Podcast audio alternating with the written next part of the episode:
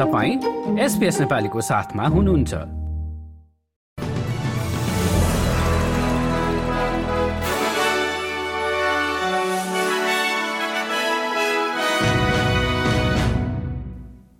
नमस्कार।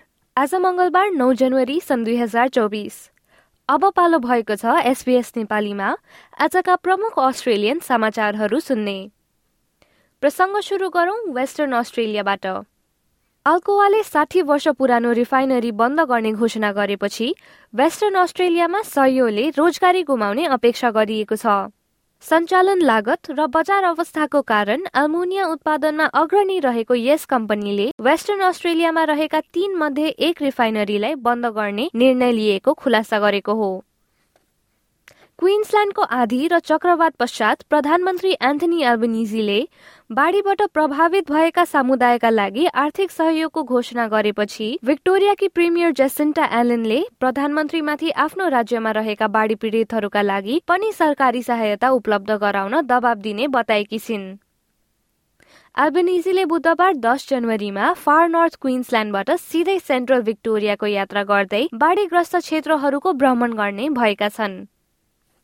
प्रधानमन्त्री एन्थनी एल्बनिजीले आवासमा संघीय सरकारले भाडाका घरहरूमा देखिएको अभावको अवस्था सुधार गर्न सक्दो प्रयास गरिरहेको भन्दै सरकारको बचाउ गरेका छन्।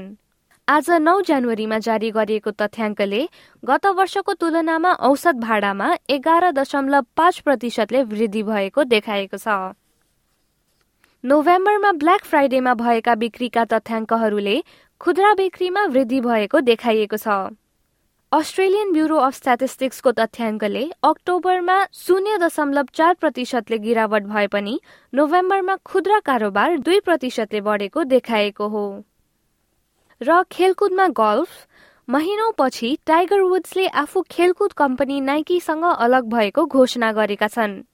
सन् उन्नाइस सय छयानब्बेदेखि नै कम्पनीको ब्रान्ड एम्बेसेडर रहँदै आएका वुड्सले उक्त उन्मोदन सम्झौतामा हस्ताक्षर गर्दा यो खेलकुद इतिहासकै सबैभन्दा महँगो सम्झौता बन्न पुगेको थियो। हस्त एसपीएस नेपालीबाट आजका प्रमुख समाचार यति नै। सुरक्षित रहनुहोस्। नमस्ते।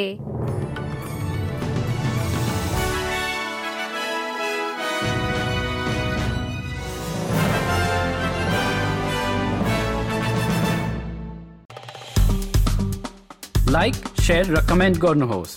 एसपिएस नेपालीलाई फेसबुकमा साथ दिनुहोस्।